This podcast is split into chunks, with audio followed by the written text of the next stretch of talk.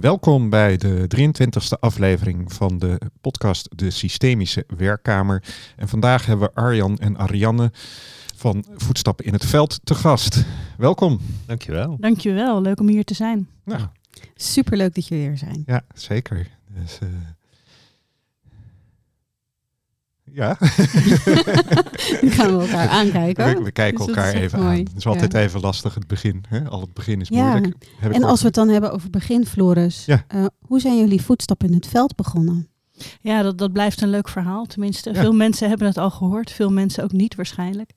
Eh, we waren naar Gent geweest, naar ehm, Van Lies Ameo. Die had een dag rond systemisch werk. Met allemaal schoollokaaltjes waarin prachtige mensen prachtige dingen aan het doen waren. En na het eerste jaar reden we terug. En ik kijk Arjan dan soms in de auto zo aan. Dan zeg ik, oh, dit is leuk. Dit zou ook in Nederland moeten zijn. En dan zegt hij, nee, dat is veel te veel werk. Schuldig, ja. En het jaar erop waren we weer gegaan en weer een prachtige dag gehad. En eh, s ochtends hadden we uitgecheckt bij een hotelletje. En vaak doen we dan de, de tassen achter in de auto. Maar toen Mhm. hadden we zoiets van, ja, ik weet het niet op de plek waar de auto geparkeerd stond. Dus we hadden de tassen eh, in de berging van het hotel gezet.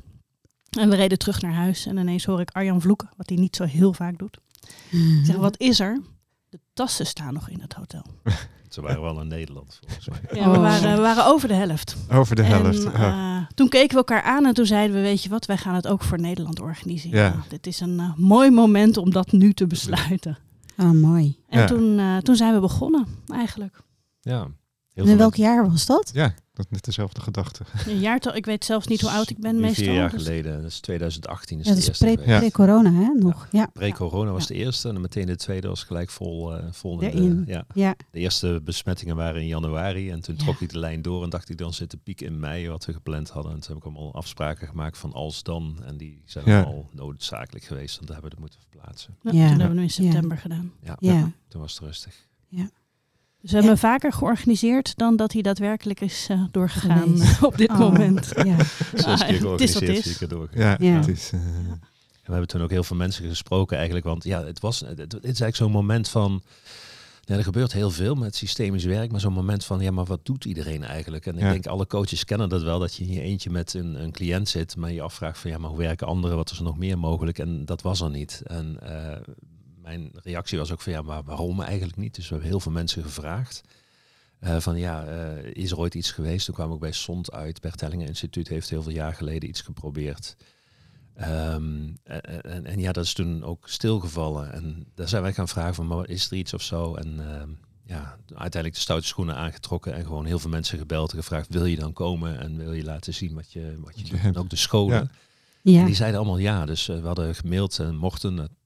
Het duurde even, toen kwam er een ja. En eh, Barbara die had net het Bert Helling Instituut overgenomen. Die zei ook ja. En dat was iets van, nou, het is heel gaaf. Ja. Ja. En Hilbrand. Hilbrand Westra is gekomen. Ja. Ehm, Die kenden we al vanuit Gent. Dus die, Ja. die zat er al vanaf het eerste uur zat hij er dichtbij. Ja, ja, ja. Philippe Bejeur en zo. Dus eh, ja, heel veel mensen. En toen zijn we ook gaan kijken, maar zijn er nog unieke andere dingen? Ehm, ik weet niet welke thema's hadden we het eerste jaar ook weer. Eerste, het eerste thema, eerst, eerste jaar hadden we grote thema's. Toen hadden we rouw, eh, de liefde, eh, families, Organisaties. organisaties. Dus Philippe Bejeur was daarbij. En nog één, Ja. ik weet eventjes niet wat. En dat is wel grappig, want voordat we gingen organiseren hebben we ook een opstelling gedaan van ja, hoe moet je dat nou afstemmen? Hoe, hoe is het kloppend? En je hebt natuurlijk de workshopgevers die het allemaal druk hebben en zo, maar je hebt ook Ja. welke mensen komen daar. En eh, dus we hebben allemaal opstellingen gedaan. Op een gegeven moment hadden we, oké, dit moet het zijn. Ja. Mooi. En eh in was bijvoorbeeld ook van ja, we willen dan ervaren mensen hebben, dus mensen die al werken met systemische werk. Mhm. En werkt ook als je dan iemand ernaast legt die dan nul ervaring heeft en komt kijken wat is het, dan, dan is ook de energie weg. Ja. En eigenlijk al die ideeën eh, hebben we daarin gestopt. En ja, de eerste keer was gelijk raak. Dus het was heel uniek om iets op te stellen en te kijken van hoe balanceer je dat. En Ja, het dan Ja. ook mooi. echt te doen en dat het dan klopt. En binnen Binnen zes, weken ja, waren we zes uitverkocht toen. Ja. Ja, Ja, echt, eh, na Ja, de kerst hebben we het neergezet. En eh Ja. Er zat genoeg energie op in ieder geval. er zat Ja. veel Ja. energie op. Ja. Ja, absoluut. Hey, en hoe zijn jullie zelf in het eh, systemische werk? Eh, want eh, je hebt een opstelling gedaan voordat voetstappen in het veld ontstaat. Dus Mhm. jullie waren niet helemaal bleu op, het, op dat eh, vlak. Eh, klopt. Nee, in Ik- Gent was het dus ook al systemisch, begrijp ik, hè? Wat jullie was- deden. Ja, Ja. klopt. En toen werkten we er ook allebei mee. Ik zat nog wel in het onderwijs. Ja. eh, maar één dag in de week was ik aan het coachen. En Arjan had inmiddels fulltime zijn coachingspraktijk. Ja. Eh, Ehm, Ja, en iemand die wijst. dit is wel grappig. Ik, eh, ik heb heel lang eh, al training Ik ben opgeleid als ingenieur, dus heel erg hoofd. Ik kom ook een beetje Ja. uit een ingenieursgeslacht. En eh, Herkenbaar.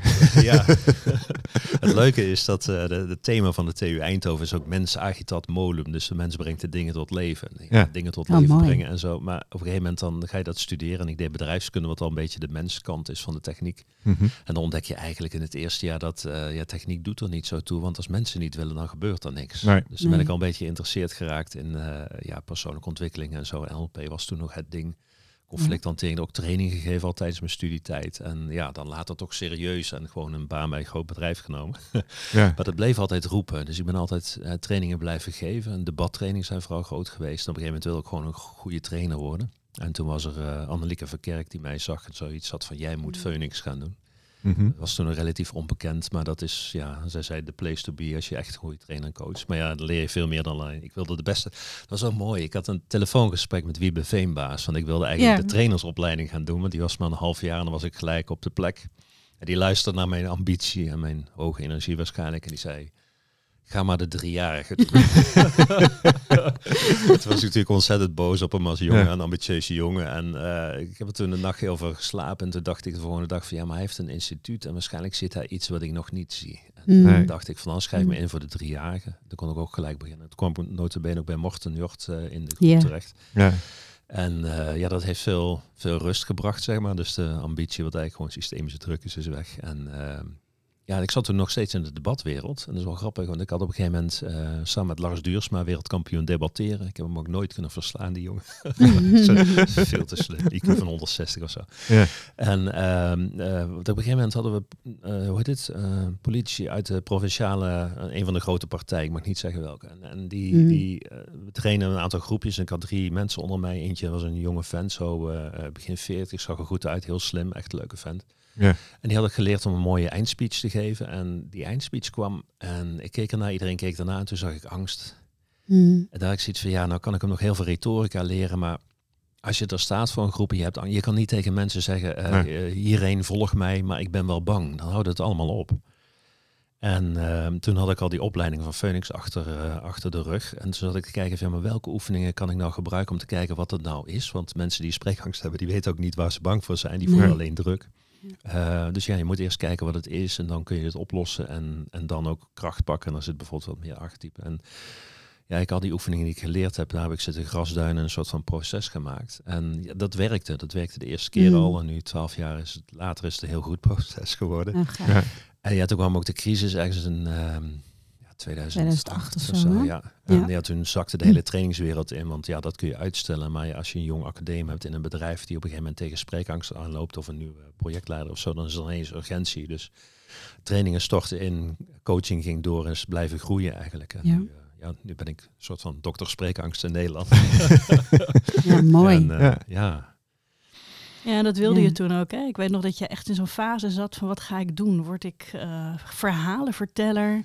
Ga ik inderdaad met Ja. spreekangst aan de slag? Of nou, er waren nog twee dingen waarvan je echt aan het zoeken was van wat is nu mijn volgende stap? Ja. Ja, en, en wat ik merk, en ik heb dat ook wel eens geleerd, als je een aantal talenten op elkaar legt, dus inderdaad het debatteren en zo, maar ook bijvoorbeeld, eh, ik ben ook zelf hoogsensitief, dus ik voel heel goed aan wat mensen doen, waar dingen vandaan komen. Mhm. En, en bijvoorbeeld dat eh, debatteren vond ik erg leuk. Ja, dan heb je een soort van kruispunt van drie talenten en daar zit het dan.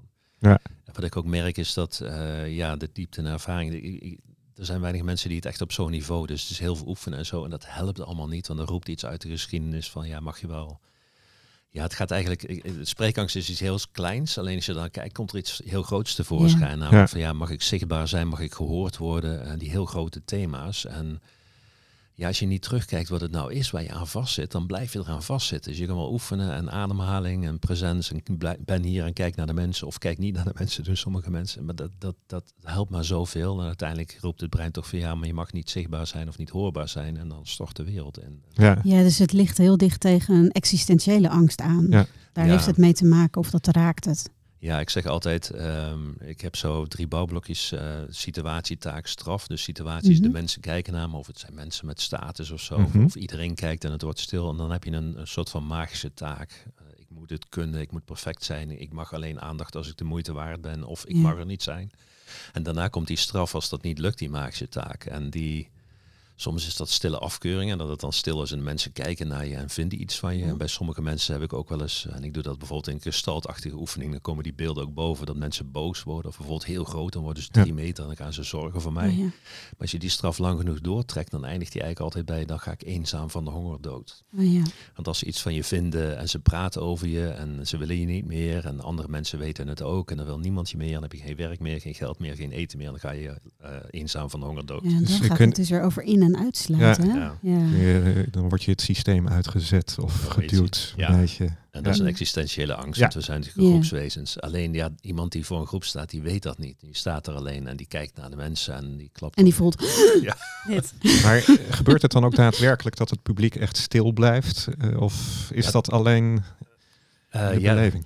Ja, het gebeurt wel natuurlijk formeel hè, als iemand begint en dat, dat kennen ook heel veel mensen dat, dat eh, dan staan ze voor een groep en dan zeggen ze en dan is het eerst koetjes en kalfjes een beetje zoals wij praten os en de ezel en op een gegeven moment wordt het stil.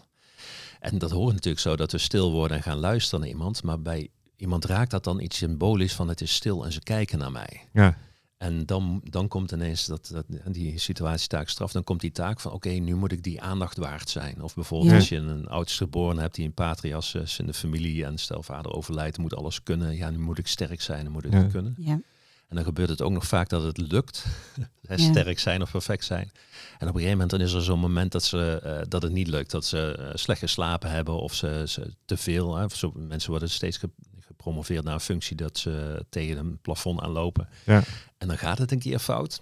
ja. En dan, dan is er onrust. Dus dan zeggen ze, ja, daar is het fout gegaan. En het sindsdien, lukt het niet meer. ja. Nee. En, eh, maar het, Ja. het is eigenlijk alsof je, eh, ja, stel dat je over een paadje loopt en daarnaast zit een sloot. Eh, Mount Bromo ben ik een keer geweest. Op een gegeven moment ga je kijken en die sloot en die blijkt dan 13 meter diep te zijn. Ja. En daarna loop je niet meer gerust over dat paadje. Dus als de keer is aangeraakt, dan, dan ben je er bewust van. ja. Maar mensen weten eigenlijk nooit wat er precies achter zit. Want dat is, eh, dat ligt te ver weg. We leren dat natuurlijk ook niet. Dat je Nee. iets, eh, iets systemisch, iets groots doet. dat Ja. is zo. Ja.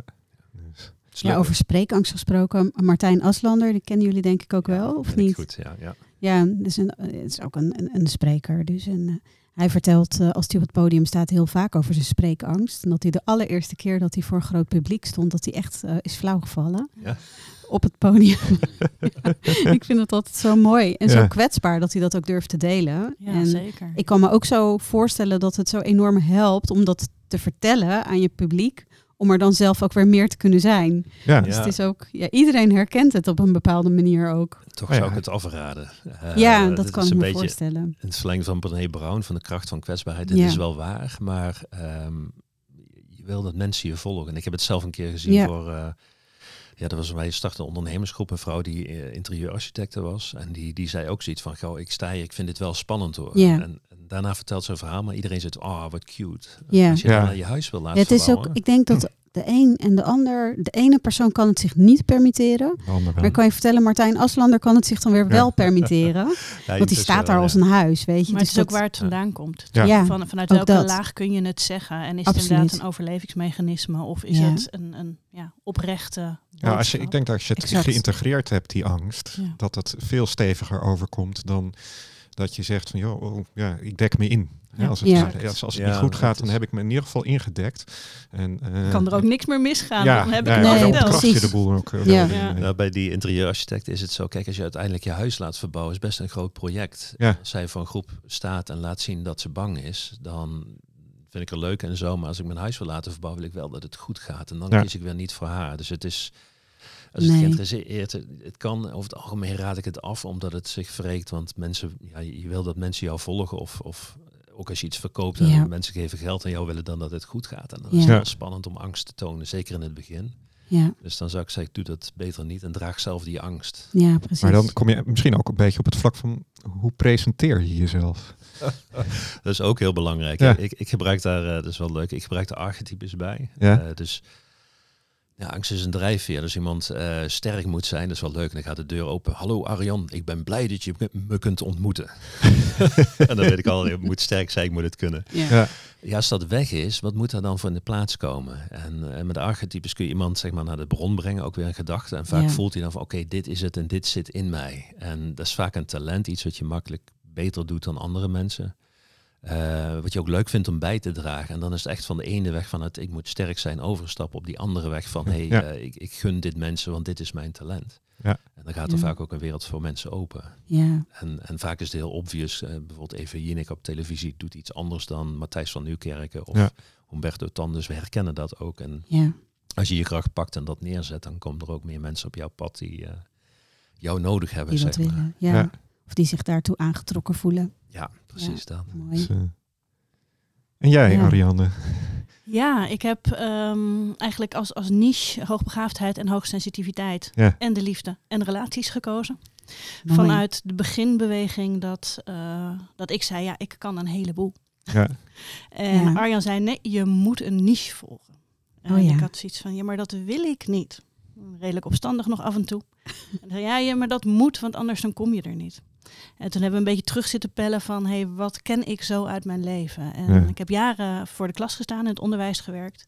En eigenlijk vanaf de PABO al ehm, was ik bezig met, er is een groep die buiten de boot valt Mhm. naar boven toe.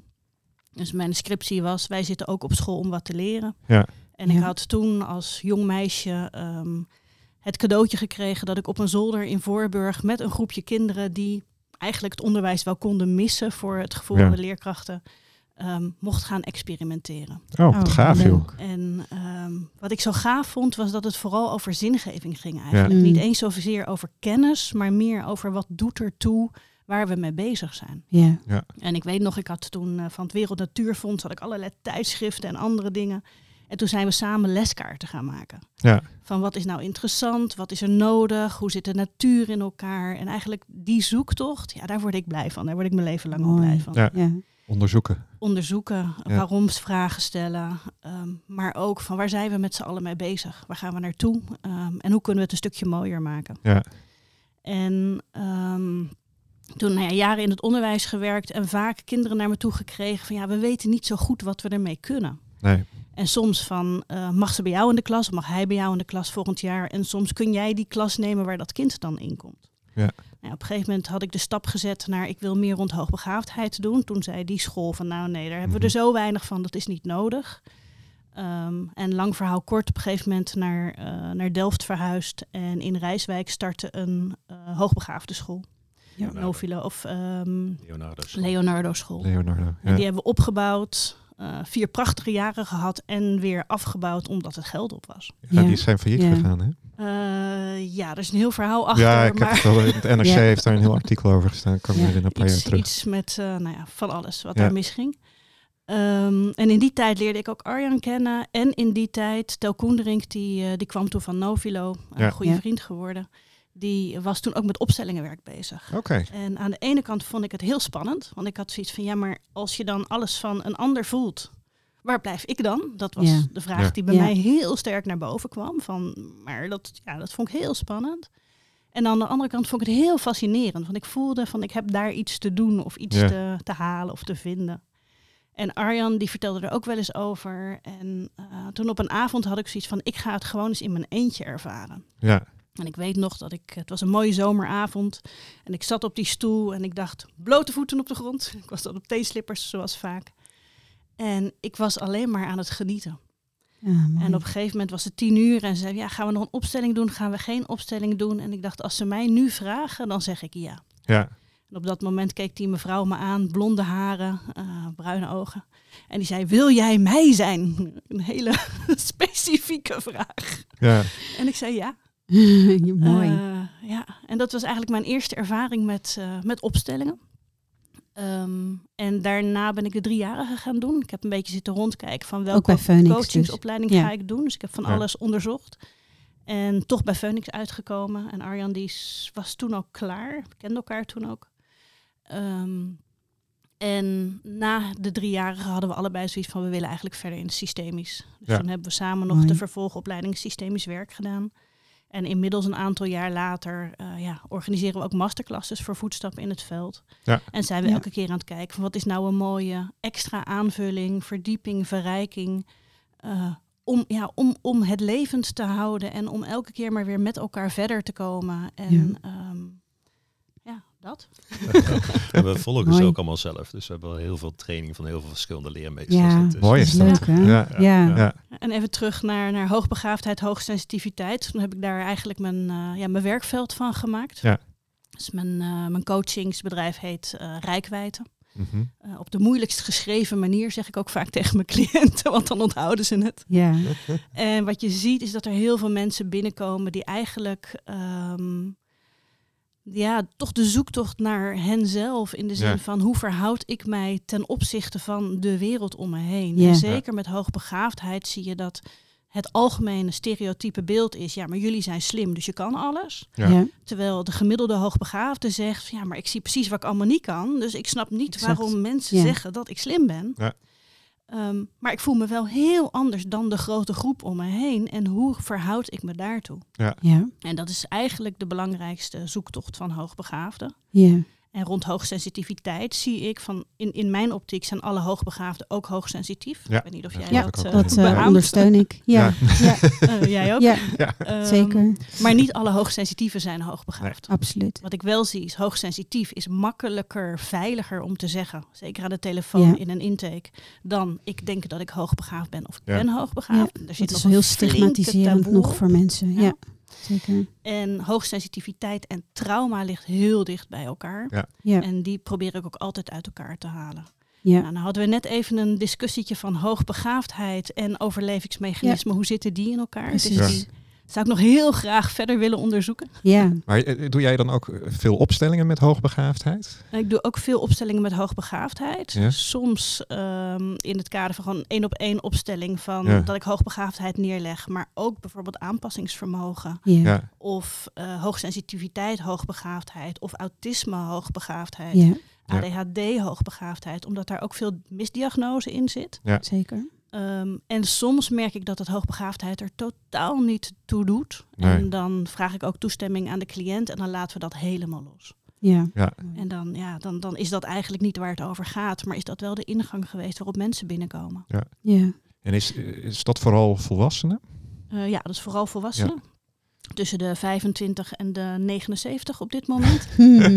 Ja, leuk. Af en toe krijg ik kinderen. Ja. Ehm, en op het moment dat ik, ehm, de dat, dat ik voel dat er ergens iets bij de ouders leeft, kan ik heel vaak tegen de ouders Mhm. zeggen, mag ik met jullie werken? En dan kijken wat er bij de kinderen gebeurt. Ja. In een enkel geval, ik ben nu met iemand bezig en die heeft een dochtertje van twee. En die zegt van ja, die is hoogsensitief, maar ik weet gewoon niet wat ik ermee aan moet. Want wij voelen niet zoveel in onze familie. Nee. Hmm. Eh, en daarvan heb ik bijvoorbeeld gezegd, neem je dochter nou eens een keer mee. Dan kijk ik met je mee en dan kijk ik wat er gebeurt. En dan ga ik daarna met die cliënt aan het werk. Ja. Mooi. Ja. Ja. mooi inderdaad. Hey, en dat hoogbegaafde stuk, want jullie zijn er allebei actief op. Eh, Willen jullie daar iets over vertellen, over jezelf in relatie tot het hoogbegaafde thema? Ik ben zelf eh, lid van Mensa. Ja. Eh, Oké. dat is zowel Ariane als eh, wat ik al vertelde. Ik, eh, bij debatteren moet je slim zijn. Dus Ja. eh, net zoals Ja. sport, van ja, je kan wel heel vaardig zijn, maar als je gewoon een sterk lijf hebt, dan, dan win je. Ja. En dus bij debatten ook, je moet wel leren eh, retorica en wat werkt. Maar als je Mhm. daarna gewoon veel IQ erachter zet, dan kom je ver. En Ja. Duursma, die, eh, ja, die, die is bijvoorbeeld heel slim. Die denkt op vijf lagen. Dus die zit van, oké, wat is de volgende argument? Maar wat heeft het debat nodig? Waar zit mijn publiek? Wat gaat mijn tegenstander doen? En eh, wat zal nog werken? Dus die, op, die denkt op zes lagen. En ik die denkt dat die triple nine, ergens een 160, super leuk om met hem te debatteren. En je verliest het altijd. Ja. Ehm, toen kwam eh, Martin Boxer en op een gegeven moment met zo'n lijstje van tien dingen van, goh, oké, dat, dat je iets uitlegt en niemand snapt dat iedereen vindt dit een slecht idee. En drie maanden later gaan ze doen. Gaan wat ze doen. Ja. Of later dan drie maanden later zelfs. Ja, En zo noemde hij dat tien. Dat was een lijstje van mensen. En ik had er bij acht iets van, hm, dat herken ik. En Ariane die kwam er ook mee van, goh, eh, Ja. doe eens de test. En ja, die test is iets van 50 euro. En ik, ik heb, eh, toen ik afstudeerde in 99 was ook een beetje hoogtij eh, dotcom bubbel en zo. En ik heb bij Unilever, DSM en KPN allemaal sollicitatie. En dan krijg je ook zo'n IQ-test. En dan rolde ik altijd doorheen, maar ze vertellen nooit hoe hoog je zit. Nee. Nee. Dus toen ging ik bij mensen die test doen. En eh daar kwam... Oh ja, nog trouwens een andere. Op school heb ik altijd... eh, naast me zat altijd Rutger van Oosten. En dan liep er nog eh, Micha van der Leest rond. En die, die, die speelde al met elf jaar. Speelde die internationaal Go en zo. Die was Ja. echt heel erg slim. Dus Ja. ik had zoiets van, ja, ik ben wel slim, maar ik ben niet Maar echt zo heel slim ja. ben ik niet. Ja. En dan kwamen we op de middelbare school en dat liep Wessel weer rond. En als we dan bijvoorbeeld, eh, Rutger en ik, eh, je wilde die 10 van natuurkunde, werden dan 9,5 en Wessel had die 10. Dus ik had zoiets, ja, zo slim ben ik niet. Je kunt test doen. en toen kwam het resultaat terug, 140 en dan zit je op eh 1,8 procent. Dus Ja. dan ben je Ja. Slimmer dan, dan 98,2% Ja. van mensen. Dan heb ik zoiets van, oeh, dat is wel hoog. En dat is best wel, ja. En eh, terugkijkend kende ik dat ook. Want ik had bijvoorbeeld een 9 tot 5 baan bij, eh, bij KPN. En weet je, dan ging ik naar huis toe en had ik zoiets van, oké, zo, dan gaan we nu even leuke dingen doen. Dus ik had een eigen Ja. trainingsbureau, ik had een internetbedrijf en zo. En ja, dan kom je op je werk. En ik zat ook te denken, ben ik mezelf niet helemaal over de clip aan het werken, omdat ik zo keihard werk. En er liep een andere jongen rond, Robert, en die had ook een internetbedrijf. En dan bij de koffieautomaat hadden we de grootste lol en zo. En als er dan een ge- gewone collega kwam doorsnee, dan, dan moesten we ons een beetje inhouden en braaf Ja. doen. Want ja, weet je, die gingen naar huis toe eten en dan eh, televisie kijken en slapen. En de volgende dag weer naar KPN Ja. toe. En toen zag ik dat getal en dan had ik zoiets van, hmm, dat zou wel eens kunnen betekenen dat dat met IQ te maken heeft. En ook een beetje die vraag van, ja, wat betekent dat nu eigenlijk? Eh, ben ik lid geworden van Mensa? En eh, ja, de eerste, eerste keer was een mokermaan diner in Amsterdam met andere menzalen. En dan zit je dus twintig eh, van die mensen die super slim zijn, maar voor de rest niks gemeenschappelijk hebben. Dat is al hilarisch. zit je aan tafel Hilarisch, ja.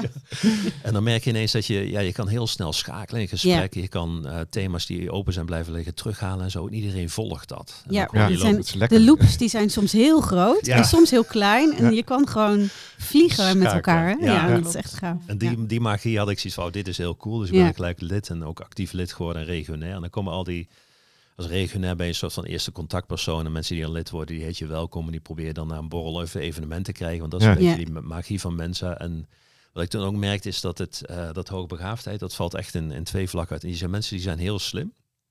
En die, eh, ik mag één verhaal wel, Arjen van Kool bijvoorbeeld, synonieme.net, die ken je waarschijnlijk. Dus, Nee, oké. Niet. Wel grootste synoniem, ja, Ja. grootste synonieme site van Nederland. En eh Arjen van Kool. Intelligentie zit altijd in verschillende hoeken. Dus ik Ja. ben bijvoorbeeld eh, mathematisch heel sterk procesmatig. Dus dat, dat, zijn mijn dingen. Ehm, hij, is, hij is taalkundig heel sterk. Dus dan zit je op een gegeven moment te borrelen in, in Delft. En dan eh, kijkt hij je zo aan. Weet je Arjan, de bal is niet rond. De bal is bolvormig. Kom je erop? Er Ja. zit wel een eh, verschil in. Ja. Ja. ja.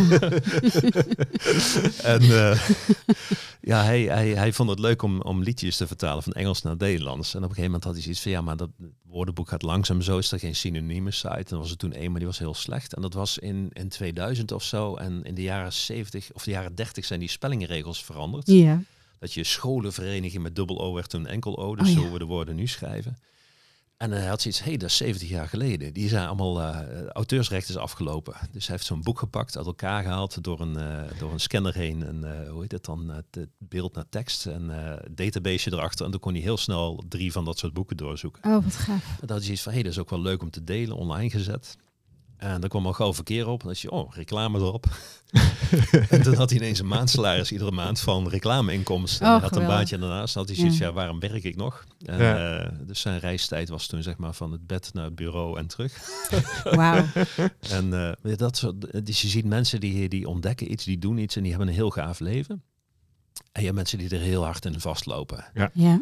En het is een, een beetje hetzelfde. Ik ben bijvoorbeeld ook 2 meter twee. Daar moet ik iets mee. Want eh, ja, als je in een groep komt, dan kijken ze naar je. Je bent de Ja. grootste en zo. En Ja. dat- ofwel je pakt het en dan ben je die grote man of, of, of niet. En bij hoogbegaafdheid is dat ook. Ja. Dus als je heel erg slim bent en je pakt het niet, eh, dan ga je er heel erg vastlopen. Want je gaat Ja. je, ja, we zijn groepswezens, dus je gaat je afstemmen Ja. op andere mensen. En dan hou je een stuk capaciteit over. Of je voelt er zit iets in me wat er niet uit kan. Ja. En dat is die andere groep. En dan moet je ook weten dat dat dan hoogbegaafdheid is. En eh, er is ook een, een aparte subgroep binnen Mensa, die heet Heureka. En dat zijn mensen die dan later ontdekking komen van, oh, maar eh, ik ben eigenlijk heel slim. Ah, ja. Ja. Die bijvoorbeeld twee broers en zussen hebben en ja, eh, ze snappen mij niet. Het zal wel aan mij liggen. Communicatietraining ook nog gehad en zo. En dan Ja. dus een IQ-test, dan blijken ze het de slimste te zijn van allemaal. Dan gaat het hele Dat is leven op een een enorme ontdekking inderdaad. Dus Ja. Eureka is wel op zijn plek dan. En dan is het Heureka. ho- Eureka begrijp ik. Ja. En, eh, ja, maar dat is ook wel wat me is bijgebleven. Van, ja, je, je moet er iets mee. Dus Ja. niet iets van ja, ik ben hoogbegaafd en ik leef een gemiddeld leven. Dat, dat kan niet. Nee. Nee. Eh, dus je moet er iets mee. En ook bij mij toen dat IQ-getal terugkwam, had ik zoiets van, nou weet je, dat, ook dat hobby naast mijn werk en zo, ik ga dat gewoon doen. Ik ga gewoon kijken waar mijn brein mee brengt. En ik kijk Ja. wel wanneer ik moe ben en dan stop ik wel. Eh, en dat heeft wel een interessant leven opgeleverd. Ja, en het ingewikkelde met hoogbegaafdheid is op het moment dat je van jongs af aan al leert om vooral op je hoofd en je cognitie te vertrouwen, Ja. wat natuurlijk veel hoogbegaafden kennen, dan kun je overal argumenten voor verzinnen. Dus ook waarom je op een bepaalde plek in je leven staat. Ja. Ja. En op het moment dat je trauma en andere dingen erbij kan pakken, of, of beschadigingen of systemische overerfelijke processen, ehm, dan krijg je nieuwe inzichten die je zelf niet uit je hoofd kan halen. Ja. En dat is zo belangrijk. Exact. Het, het is wel Ja. grappig en dat is ook zo mooi. eh, heel veel mensen denken dat IQ, dat uh, hoogbegaafdheid, dat dat ook een soort van wijsheid is. Dus dat komt ook. dat, dat, Ja, nee, dat staat er echt los van. Bewust, ja. bewustzijn Daar ben ik ook achtergekomen. Ja. Ja, ja. Ja, precies. zeker op dat soort borrels, dan kom je mensen tegen die heel intelligent zijn, die heel erg domme dingen doen. Want Ja. wijsheid is gewoon ja, patronen zien en levenservaring. En dan heb je ook nog een stukje bewustheid of zo, dat je er, dat, erbij bent en dingen binnen laat komen. Ja, En het is natuurlijk heel makkelijk als je een hoog IQ hebt om naar je hoofd te gaan en dingen te analyseren, maar je niet te laten raken. Bijvoorbeeld, dat is ook Exact. bijvoorbeeld wat ik net vertelde bij Wiebe Veenbaas ook. Het heeft mij heel veel rust gegeven, maar ook veel meer bij mezelf zijn, waardoor ik ook meer voel. En ik ben ook hoogsensitief, dus dan ben je ook gelijk een heel goede coach. Maar eh, als ik die drie jaar niet had gedaan, had ik nog steeds in mijn hoofd geleefd en had ik ook heel veel gemist. Ja, en ook dat is de vraag, hè, van ik ben hoogbesensitief, dus ik ben een goede coach. Ka- Kan ik nog wel wat vragen over Ja, zeker. Stel, stel de vraag eens. Conditio sine qua non. Ja. nou ja. Zou je als je hoogsensitief bent niet ook een hele slechte coach kunnen zijn? Ja. Definitely. Daar ben ik echt Ik denk het ook. Ja. Ja. ja, dus dat heeft er heel veel te maken met het veld van overdracht en tegenoverdracht. Ja. En dat, Zou dat dit- voelen en dat ervaren. Dus en dat is, voor mij is, zeg maar, wijsheid is kennis die eh, door ervaring verbonden is met, met alles in jezelf en buiten jezelf op een bepaalde manier. Dus Ja. dat je, ja. En om hem heel plat in, nee, plat, maar zoals mijn moeder het altijd zegt, die mensen met alleen maar boekjeskennis, daar hebben we natuurlijk helemaal niks aan. prachtig. Ja. Nee, maar ik denk, ja, Ja. als je als hoogbegaafde ehm, ook dat gevoel, want zou je ook een soort hoogbegaafdheid in gevoel kunnen omschrijven? In de zin dat je die hoogsensitief, maar dat je dus Nee, dan Ja. kom je op dat schakelen. intrapersoonlijke en interpersoonlijke stuk, denk ik, van Ja. onszelf. Dus de, de reflectie, de- het vermogen om te reflecteren, onder andere. Ja. Ja, ja, en waar ik naar zat te kijken is naar ja, de, de, de uiteindes, de, de verbindingen die we overal mee kunnen maken. Dus Ja. waar halen we onze informatie vandaan? ja, is dat nu En- puur het hoofd of is dat, krijgen we het ook misschien gewoon... Net zoals ja, zintuigelijk. overal. Denk ik. Ik Ja. denk zowel zintuigelijk als Ja. in de hersenverbindingen. Ja. En wat ik vaak uitleg aan mensen aan de telefoon die voor het eerst met mij bellen en zeggen ik ben wel hoogsensitief, maar hoogbegaafd weet ik niet. Mhm. Ehm, dan vergelijk ik het vaak met zo'n wereldbol waarin allemaal lichtjes aangaan. Ja. En de meeste mensen kennen dat beeld wel. Dus in beelden, ja, dat is makkelijk om mee te, mee te Ja. reizen. Ehm, ik zeg van ja, in een hoogbegaafde hoofd, op het moment dat er iets gezegd wordt of iets binnenkomt, dan gaan al die lichtjes aan en je kunt kiezen om verschillende paden te gaan bewandelen. Ja. Je kunt ook alles laten binnenkomen zonder dat je er wat mee doet en besluiten wat relevant is en wat niet. En ehm, ik denk dat dat zowel op zintuigelijk gebied als op cognitief gebied geldt. Ja. En hoe Ja. meer je daarop durft te vertrouwen, kunt vertrouwen en hoe meer je dat fenomenologisch waar kan nemen in plaats van vanuit je eigen aannames, geschiedenis, et cetera. Ehm, ja, hoe, hoe, ik weet niet of je dat zo kunt zeggen, maar hoe rijker de informatie is die je tot je beschikking hebt. Ja. Ja. Dat is wel grappig. Ik denk dat het in die fenomenologie zit. Ik weet niet of dat dan met hoogbegaafdheid te maken heeft, maar het is een talent om dingen te zien. Dus ehm, wat, ik, eh, wat ik wel eens zie bij sommige, ik kan me dat ook herinneren bij Wiebe Veenbaas. En hij heeft er weinig over verteld, maar dat je zit natuurlijk, je begeleidt iemand, je kijkt wat is hier. En Ja. Ja. fenomenologisch komt er een gevoel op of je, je ziet iets of eh, sommige, soms theater in hoofd, dan komt er een, een, zin binnen. En ik heb wel eens gezien dat Wiebe eh, een van onze eh, mensen uit de groep begeleidde en hij keek en die man was aan het vertellen wat er allemaal was en zo. En Wiebe die staat op, hij loopt naar de deur en hij legt zijn hand op de klink om naar buiten te gaan en hij stond meteen naast hem en het was gelijk raak, want zijn vader Mm. was er niet. Ja. En ik keek daarna en het hele gesprek ging helemaal niet over vader. Nee. Dus ik heb Nee. het ook een jaar afgevraagd van, is dat magie? Is het een goede gok? Maar hij heeft waarschijnlijk fenomenologisch iets waargenomen wat dan ja. niet, niet de andere kanalen is. Ja. En dat, ik zie wel eens mensen inderdaad dingen doen dat ik denk van, ja, die hebben juist op dat vlak. En ik ken het zelf ook, dat ik dingen heel goed aanvoel. Ja.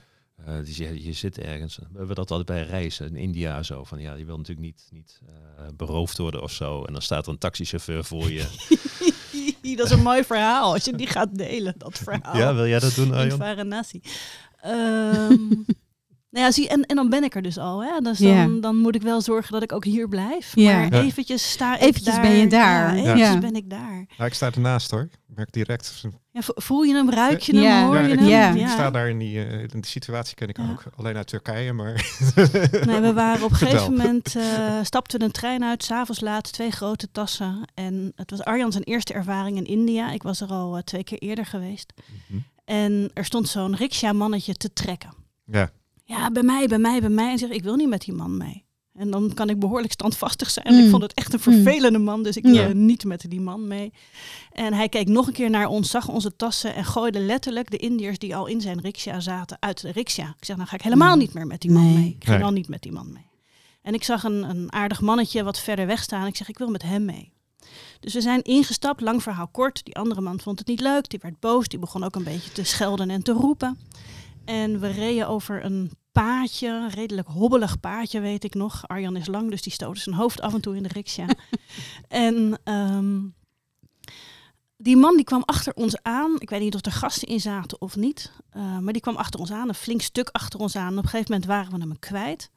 En ineens, ik weet niet of we ons op dat moment elkaar aankeken of niet. Maar toen hing die voor ons gevoel achteraan de riksja. Terwijl dat niet kon. Mm. Dus ergens wisten we, hij hangt er niet en toch hing die er. ja. Ja. En Ja. dat maakt het heel interessant. Energie. Ja. Ja. En dat vond ik ook wel weer heel spannend. ja. Ja. Is het ook. En ik heb het daarna ook weer losgelaten. Ik weet dat we het een keer met Hilbrand hebben ge- gedeeld toen Hilbrand bij ons een keertje kwam eten. En dat hij zei, ja, maar eh, als je dit verhaal nu weer vertelt, hangt hij er weer. Ja, Ja, dat zit er waar. weer even. Ja. Maar eh, daar doelde jij op, toch? Ja, ja. Ja. Ja. We hebben het op meer, dus het is het fenomeen, gewoon afvragen Ja. wat is er en op meerdere niveaus. En natuurlijk het fenomenologisch is, het onderbewust is altijd wat subtieler. En we hebben het ook gehad Mhm. op een gegeven moment, eh, zo'n zilverhandelaar. Er is natuurlijk heel veel zilver in India wat niet zilver is, maar dat heet dan Duits zilver. En dat is Ja. dan een nikkelverbinding of zo. Die, als je ja. dat omdoet, dan krijg je irritatie. En op een gegeven moment waren we in een winkeltje en er was zo'n oude man.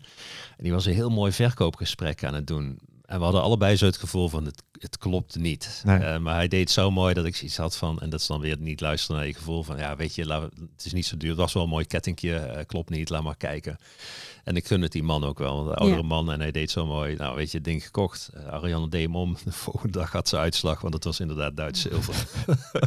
en dan kijk je terug en heb je zoiets, ja maar je, we wisten het. Alleen wist het rationeel, ja, Ja. Ja. ratio sterk. En En- je kan het- je altijd ja. vertellen van, we doen het gewoon goed. En het was ook oké. En Ja. eventjes helemaal terug naar de vraag waarmee we dit begonnen. Ja. Ehm, ehm, grappig, en dan ben ik hem weer kwijt. Dus blijkbaar Vraag. moet het niet zo zijn. Ja, ik had hem net nog, maar hij is weer weg. ja. over hoe het begon met hoogbegaafdheid. Of is dat Eh, niet... Wat zat de vraag daarvoor? Hoog, hoog bewustzijn en het zien. Ja. Ja. Want ik, Nee, nee, ik, ik weet het wel weer. Het ging over, ehm, maakt het dan uit? Hè? Dus jij vertelde dat verhaal van Wiebe.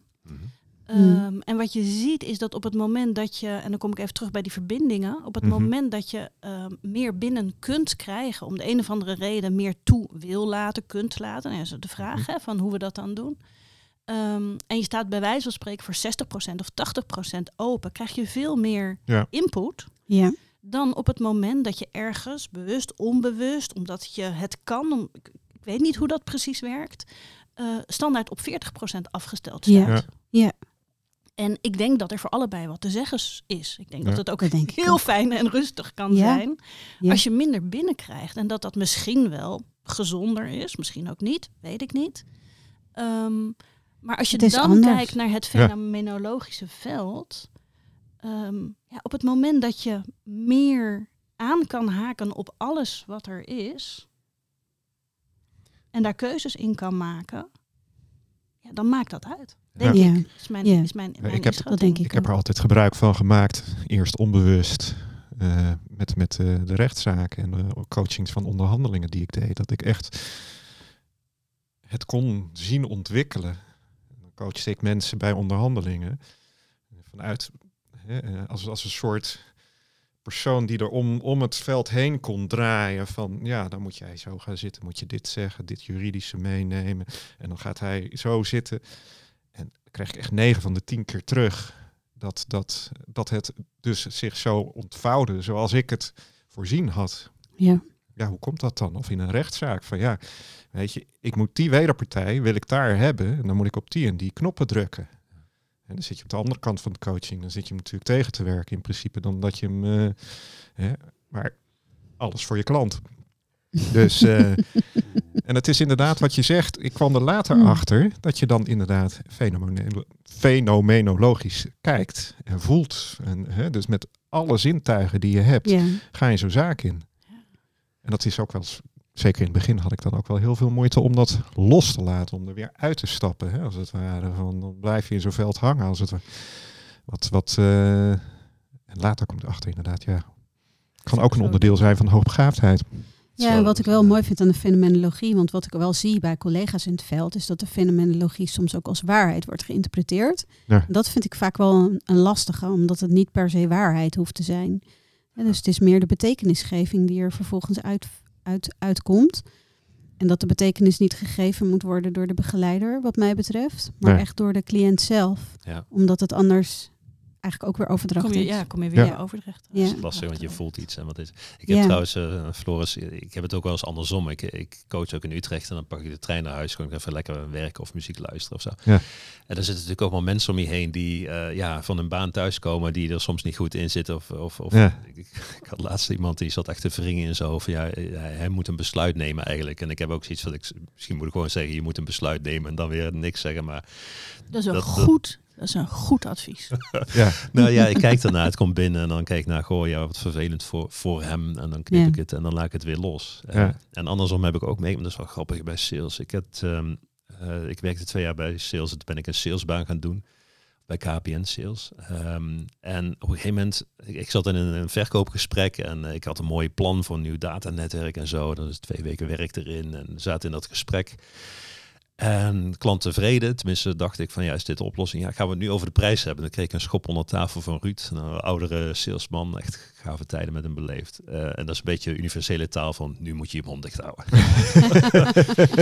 en toen ging hij een heel stuk terug, toen zei hij van ja, is dit wel echt een goede oplossing? En ik zat echt zo van shit. En die klant, daar kwam inderdaad twijfel uit. En eh, nee, ja, we willen er nog even naar kijken. Ja, dus stond ik buiten met Ruud, stoom uit mijn oren, dat is twee weken weg, eh, werk wat weg, wegviel. Dus ik vroeg hem, waarom doe je dit? Toen zei hij, hij was niet overtuigd, de klant.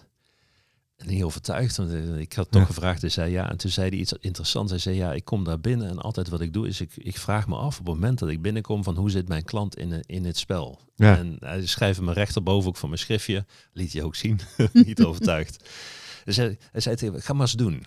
En eh, de eerste keer acht van de tien had ik al. Dus ja, willen ze nog voor Robertje vechten voor wat korting. Dus ik op een gegeven moment bij Deloitte. En eh, dat was met eh, Guus van Vels, ICT-directeur. En ja, ja, we moeten nog over de prijs hebben. En ik had zoiets, een hele discussie. Ik zei, joh, als ik een ton afhaal, het is 14 miljoen in plaats van 14,1 tegen Jan. Onmiddellijk. We lopen naar buiten en echt die accountmanager met grote ogen buiten. Wat doe je nu? En ik had zoiets, ja, ging over de korting rond getal. En, eh, de, de eerste keer dat Ruud dat zei, had ik 8 van de 10 goed, toen 9 van de 10. En eh, eh, op een gegeven moment ook dat we hadden een aanbesteding en we waren tegen vijf andere leveranciers. En eh, ik kom binnenlopen en ik voelde gelijk, ja, er is al gekozen. Gewoon, Hmm. Ja. de energie is weg, ze zitten bij de con- concurrent. En dat was een Ja. van de Arbo-dienstverleners. Nou ja, als je dan toch moet doen, dan eh, ja, weet je, edgy grappen erin, een beetje zitten geinen, want hoe Hm. cares is toch al Ja. besloten. En ja, naar de hand in de auto en eh accountmanager belt, ja, goede pitch en zo, die gaan vast kiezen voor anders. En ik nee hoor, die hebben al voor Colt gekozen. ja, jij ook altijd negatief. Nou ja, twee dagen later eh, komt dat telefoontje van, eh, ja, dank jullie wel dat jullie maar... ja, Ja. ja, ja, Ja. dat herkennen we. Ja, nee, account- hoe weet je dat? Ja, ja, ik heb het hem toen niet uitgelegd, maar het, het- ja, je voelt gewoon wat er Ja. is en wat de intentie van Ja. mensen is. En dan, dan mensen praten zich eruit, want we hopen altijd beter. Maar ja, het is er Ja. gewoon. En dat is de dan. vraag is van, voelt iedereen dat? Of voel jij dat? Ik denk dat niet iedereen het voelt. Ik, Nee. nee. En ik Ja, denk dus- wel dat iedereen het zou kunnen Ja, voelen. ja, ja. Het is wel toegankelijk. Ja. Ja. Misschien Ja, moeten dat we daar aan het onderwijsprogramma nog wat doen. Ja. Ja, dat we meer naar de mens toe gaan. Ja, Ja, dat we, dat we eh, onszelf ook als, eh, als instrument leren Ja. gebruiken of leren luisteren naar Ja. onszelf. Maar ik Ja. denk dat mensen dat ook niet willen. Want je wil natuurlijk, kijk, als je iemand ziet en het gaat slecht met hem, en je vraagt, hey, gaat het wel goed met je? Dan zegt iedereen natuurlijk nee, want je wil niet een open boek zijn. Dus ik denk is ook dat, het- zo? Ik denk dat het heel fijn Mm. is om een open boek te zijn, Ja. lijkt mij. Dat je als je Het niks zegt vooral iets over jou, Arjan. Ja. Ja, nee. Ja, het is een proces waar ik in zit. Dus Ja. eh, ik ben ook nog wel redelijk gesloten. En Floris die heeft het verlangen om een open boek te zijn, hoor ik hier. En jij? Ehm, Ja, ik denk dat ik heel erg ervaren word als super open. Ik kan, kan ook heel, me heel kwetsbaar opstellen. En ik ben ook heel erg goed in, eh, in toch nog een heel klein stukje eh, voor mezelf houden. Ja. Dus dat is er absoluut ook. Ehm, en ik vind, het, ik vind het heerlijk om wel heel open te kunnen zijn. Ja. Ja, dus als we het hebben over het stukje hoogbegaafdheid. ehm, ik ben pas toen onze kinderen wat ouder werden, ben ik me er serieus mee bezig gaan houden. Ehm, maar ik was drie, toen kon ik al lezen. En ik was anderhalf, toen zat ik in de wandelwagen. En mijn moeder die schaamde zich dood. Want eh, ik praatte met alles en iedereen in volzinnen. En Ja. dat was niet helemaal normaal voor een kind van mijn leeftijd.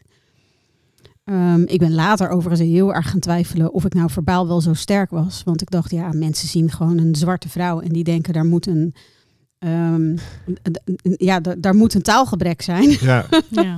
Dus het valt gewoon mee. Dus ik ben niet verbaal sterk, ik ben gewoon normaal, weet je wel. En, eh, maar ja, toen kwamen onze kinderen er allebei eh, heel sterk hoogbegaafd uit. Hoe oud waren ze toen? Eh, Tobias was acht toen we erachter kwamen. En bij Elian wisten we het eigenlijk al, want hij was ook vier toen hij kon lezen. En nou, dat is dan wel mooi, mag ik denk ik wel vertellen van hem. Is, hij was ehm, eh, in groep twee, stond ik op het schoolplein te wachten. En de juf die komt naar me toe, die zegt, wat is dit toch leuk dat Elian dit boekje helemaal uit zijn hoofd kent.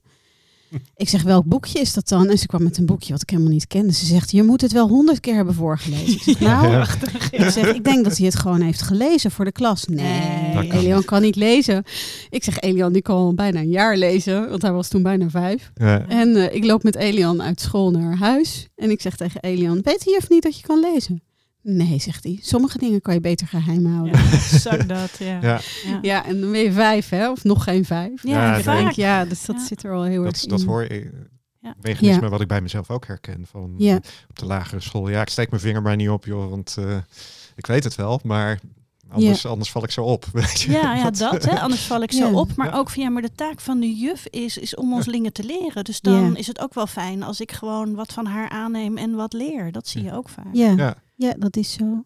Ja, en ik weet ook nog goed, ik zat in, ik weet niet meer in welke klas ik zat. Ik denk dat het in de vierde klas was van de basisschool. En ehm, eh, ik stak regelmatig mijn hand even op als, als er iets gevraagd werd. En ik kreeg maar nooit de beurt van de juf. En ehm, eh, die had kennelijk het idee dat ik steeds maar aan de beurt was. En, dat ik, en, en Ja. die zei later, wil je na schooltijd nog eens naar me toe komen? Dus ik kwam na schooltijd naar haar toe. En toen begon ze een heel verhaal over, eh, er is een goede Irani en er is een slechte Irani. Oh. Ja.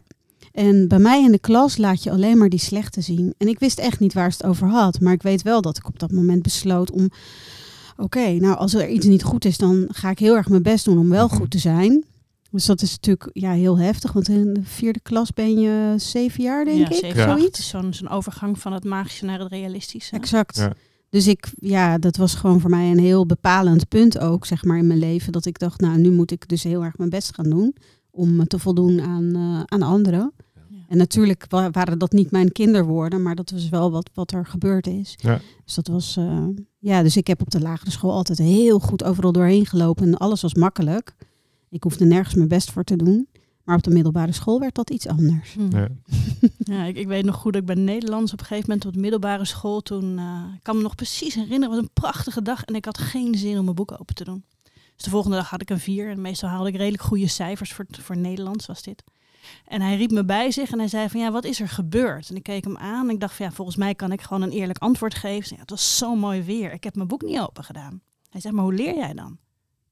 Ik keek hem echt vragend aan van ja, ik, ik lees het een keer door. Ja. Oh. Toen bleef het een tijdje stil. Dus ik had zoiets van, hé, maar is dat niet normaal dan? Zei, Doe volgende keer je boek maar weer open. Ja. En dat heeft bij mij wel echt iets op gang gezet van, oh ja, oh ja, maar dat kan dus ook anders. Ja, Ja. ja mooi. Ja. grappig. En ik heb een, een tijdje bij eh, Phoenix Talent gewerkt. eh, ook van Novilo, ook van Tijn. Ja, eh, Koenering. En eh, dat is voor vastgelopen eh, hoogbegaafde jongeren, middelbare school. Ja. ja, En eh, daar komen dan meeste jongens, twee derde, want die, die gooien het eruit, zeg maar. Meisjes die, die keren dat meer in zichzelf. En eh, ja, dan is er bijvoorbeeld eentje en dan oudste broer die, die zit dan bij Phoenix Talent is vastgelopen, jongste broer niet. En ik heb vaak aan familie gevraagd van hoe komt dat dan? ja.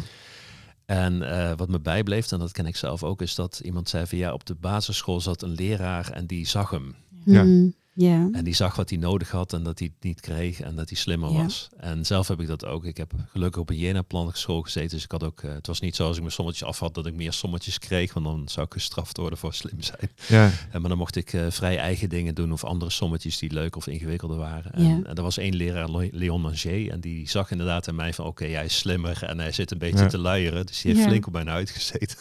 Oh. Dat is ook wel spannend, zeg maar. Maar ik voelde ook wel dat hij, eh, dat hij het goed voor had. En dat heeft ja, bij mij discipline opgeleverd. En dat is iets wat je niet meekrijgt als hoogbegaafd. Dat je Nee. leest gewoon Nee, niet dat kunt het. Nee.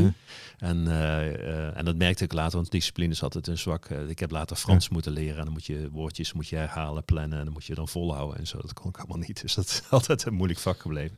maar door Leon, die heeft inderdaad mij gezien. En mij op mijn huid gezeten en wat structuur geleerd. En zo. Ja. Daardoor heb ik het gehaald. En dat zag ik daar ook met die twee jongens. Ja, de oudste broer die zat dan bij Phoenix Talent. En die had niet zo'n leraar. En de jongere broer was een Ja. leraar die dat zat. ja, het grappige Ongelooflijk, hè? Ja. Mijn, mijn jongste, die werd op de crash al gezien. Dat is echt ook heel bijzonder. Dat ze dus echt speciaal puzzels gingen halen met meer stukjes en, en dergelijke. En die had op de kleuterschool eh, eh, ook een, eh, een juf die, die hem zag. Vervolgens ging hij naar groep drie. En toen werd hij afgeremd. Ja. Want hij rekende in duizendtallen en hij mocht nog niet in tien, of boven de tientallen, want dat ging nog niet snel genoeg. En dat soort rare regeltjes krijg je dan. En eh, nou ja, gelukkig, eh, toen hebben we hem laten testen en kon hij naar een eh, Leonardo. In Dordrecht heb je nog een Leonardo eh, school. Dus, eh, maar nu op de middelbare school ja, loopt hij ook tegen frustratie aan die ik heb. Namelijk dat taal niet eenduidig is. En eh, Ja. ja. wat wordt er bedoeld met de vraag? Ja. Want de vraag is niet eenduidig. Ja, lees gewoon. Het staat er toch? Dat soort Ja. antwoorden krijg je dan. Ja. Terwijl, ja, als je in een, een, tweebaansweg denkt, hè, en dus gewoon heel rechtlijnig, maar eh, of je denkt eh, divergerend, je ziet iets en je gaat heel sterk zitten associëren, ja, dan wordt het vra- de vraag eenduidig eh beantwoorden een stuk wat lastiger. Ja. Nou ja, klopt. En dat zie je Ja. natuurlijk met, Ja. met CITO-toetsen bijvoorbeeld Ja. heel erg. En dat hebben we op Leonardo ook heel erg aan de kinderen meegegeven. Van Ja, denk niet te moeilijk. Nee. Maar vaak is de eerste gedachte van ja, dit is zo'n simpel antwoord, dat zal Dat het kan niet wel goed niet Ja, zijn. wat, zijn. wat, Ja. wat hij van ons deed, die ging, eh, ging er zelf vragen bij eh Ja, en heerlijk. schrijven. Ja. Maar dat Ja. vindt ook Maar niet elke dat leerkracht was niet leuk. goed. Nee, was nee. niet goed. Niet elke leerkracht goed Nee, nee. Nee, onze jongste die had op een gegeven moment moest je zeg maar een woord bij een plaatje en dan helemaal bovenin stonden dan woorden die je mocht gebruiken. Ja. Maar daar keek hij natuurlijk niet naar. Het was een plaatje van een oven, maar hij schreef het, het moeilijke woord magnetron op. Gro- grote rode streep er doorheen. Ja. En wij zeiden echt, nou ja, jeetje, eh, je mag er ook iets oranjes van maken of een krulletje van wat goed dat je er magnetron van maakt. En wil je volgende keer even naar de opdracht gaan en Ja. kijken wat de opdracht is. Maar ik- wij vonden het zo cru dat daar dan een rode streep stond. Dat ik dacht, dat is niet Ja. heel erg bevorderlijk voor, eh, voor het leer, leren, zeg maar. Nou ja, en de, de oudste die had dan inderdaad, eh, dan had je eerst eh, de vraag tienmaal negatief gesteld en toen werd die positief gesteld. Ja, die zag het positieve niet, dus die had er tien goed en tien fout. ja, en dan wordt er niet gekeken van, oh, hij doet het consequent fout, dus heeft hij de vraagstelling? Nee, gaat een dikke streep door inderdaad. Dus dat, Ja. dat zwart-wit, eh, Het is wel grappig, bij Phoenix Talenten merkte ik dat ook, dat veel van die jongens die gaan dan kijken, ja, waarom is het schoolsysteem niet goed? Ja. En als je dan een flink wat eh, denkpower achter, dan kun je met heel veel redenen komen. Ja, ja. De vraag is dan, word je daar blij van? Ja. En, eh, en, en Ja. klopt het ook? Het is, het, is, het is ook wel grappig en boeddhistisch, want het achtsprakige wiel is van, ja, wat, wat, wat denk je en klopt het wat je denkt? ja. ja. En eh, daar hebben we dan ook wel veel mee gewerkt met die jongeren van, ja, maar je denkt dit en het is ook wel waar. ja. Maar je hebt geen andere keuze. Dus je kan Nee. Kijken van. En, en, en ik hoorde laatst ook iemand bij mensen die zei van ja, ik zie het maar even als spel. Ik moet dit spel spelen en dan heb ik dat certificaatje en dan Ja. gaan andere, allerlei Ja. deuren open. En dat is, eh, maar goed, als kind zit je in die magische wereld en dan hang je er helemaal aan vast. Maar Ja. als, je, als je het dan wil ontstijgen omdat je slim bent, is het beter te kijken, oké, ja. ja. wat verwachten ze van me? En dan kan ik het papiertje halen. En, en, en hoe denk je over dingen na? Want te denken, ja, wereld die je ervaart zit in je hoofd. ja. En als je al die negatieve Ja. dingen denkt, je zet er IQ achter, dan gaat het heel hard de verkeerde Ja. kant op. Kan. Ja, dat zou zomaar kunnen. Ja. Ja, en het kan natuurlijk ook een hele goede kant op gaan. Hé, hey, want eigenlijk hebben jullie dus wel een hele bijzondere combinatie. En ik heb hem ook en Floris eigenlijk ook. Namelijk, nee, maar ik, hoor, ik kom hem in het systemisch veld niet heel veel tegen, het stuk over hoogbegaafdheid. Nee, maar dat is ook logisch. Want op het moment dat hoogbegaafdheid in de minderheid is en de grote Ja. groep, ehm, het ook voor een bepaald deel niet snapt. Want dat is natuurlijk ook het hele ingewikkeld van hoogbegaafdheid. Hè? Wat je niet Mhm. snapt, waar je niet bij kan. Daar kun je niet dan kun je bij, daar niet naartoe, hè? niet. Ja. Als je het dan hebt over Ja. rijkwijde. Exact. Nee, maar Ja. precies dat. Dus dan kun je Ja. proberen uit te leggen. En dat ken ik uit het onderwijs zo. Dat ik dan aan collega's die niet hoogbegaafd waren uit probeerde te leggen. Maar hoe doe je dat dan? Ja, En, en dat, dat kan niet. Nee. nee. Het is een zijn. Nee, dus- hè? Ze- je, je Het is een zijnskenmerk, ja. Ja, absoluut. absoluut. En toch denk ik dat ik wel, ik ga nu geen namen noemen hier, maar er zijn een aantal opstellers waarvan ik denk, nou, die, Die, die- eh, die- daar kunnen we het vinkje wel bij zetten. Ja. Eh, straks met de lunch kunnen we misschien wat namen noemen, maar hier vind ik dat een beetje te... Ja, dat moeten we niet doen. inderdaad. nee, maar Ja. ja, op zich denk ik dat, dat, dat we het ook in ons veld wel, wel meer dan gemiddeld tegenkomen. Ja, dat Vanaf gevoel een heb ik ook. niveau. Ja. En, en, en dan ga ik ook even terug naar de discussie of het, het gesprek voordat we eh, de microfoons openzetten, Ja. zeg maar. Van ja, bewustzijn en hoogbegaafdheid, dat is natuurlijk Dat wel zijn iets twee dingen. anders. Ja. Zeker. En, Ja, en dan heb je ehm, bewustzijn en ook nog gewaarzijn. Dat is ook weer iets Ja. anders. Ja, absoluut. Ja. En dan heb je nog oude zielen en nieuwe zielen. Dat is weer Dat wat is ook anders. weer wat anders. Maar misschien Ja. niet. Misschien hoort het wel allemaal bij elkaar. Ja, er dat is een- wel grappig. Ik had, zat vanmorgen bij mijn man in de auto. Die zette me hier even af. We gaan vanavond naar een concert. Hartstikke leuk. En ehm, ehm, er was laatst iemand in die zei tegen mij... eh, dat hij in mij het onschuldige en het pure... dat hij daar vervalt, zeg maar. Dat hij dat zo mooi aan me vindt. En toen zei Elmar, mijn man, die zei tegen mij... ja, en ik zou het eigenlijk eerder... be- ja, benoemen vanuit naïviteit. Jij bent Mhm. naïef, maar dan in de positieve, pure zin van de betekenis. Mhm. Dus ik dacht, nou, dat is wel heel lief dat je dat zo zegt, want je bent natuurlijk mijn man. En zeiden, ja, het kunnen kijken met, met nieuwe ogen naar de wereld en Ja. naar wat er is. En, ehm, en toen dacht ik, ja, dat is ook heel interessant, want ik kom mijn hele leven lang al mensen tegen die tegen me zeggen, je bent een vreselijk oude ziel. Ja. Dus toen zei mijn man, en, en wij kwamen samen eigenlijk tot de conclusie van, ja, maar misschien moet je dat wel zijn om dat andere weer te kunnen openen. En toen Ja. dacht ik, nou, dat, dat vond ik in ieder geval wel mooi. Ik dacht wel meteen, oh, dit is wel heel magisch weer. dus dat wil ik wel zijn en dat andere dan niet. Dus, maar dan, dan open je ook dat veld van, van hè, oude zielen, nieuwe zielen, bewustzijn, gewaarzijn, ehm, eh, kennis, wijsheid. Het is zo mooi eigenlijk om die vlakken, hoogbegaafd. Zeker, Sensitief. zeker. En de vraag is, hebben we het allemaal in ons? Hè? Dus, dus kennen we het allemaal, leeft het allemaal in ons? Alleen is het niet wakker gekust misschien, om het zo maar te zeggen. Ja. Of, eh, en dat is ook de vraag die ik me, die ik me van de week stelde. We hadden een ehm, masterclass met Mieke Cox over de zeven de bewustzijn, Ja. eh, bewustzijnstadia. En zou ik ook zeggen, ja, maar kennen we het niet allemaal? ja. Dus ook voorbij, voorbij de volwassenheid. Mijn idee is dat het allemaal in ons zit. Ja. Ja. Ehm, Zijn we wel zo verschillend als mens? ja, of zijn, zijn, zijn we ook ja, een bron? Ja. De bron? Ik denk dat we allemaal op de bron aangesloten kunnen zijn. Of op onze eigen bron.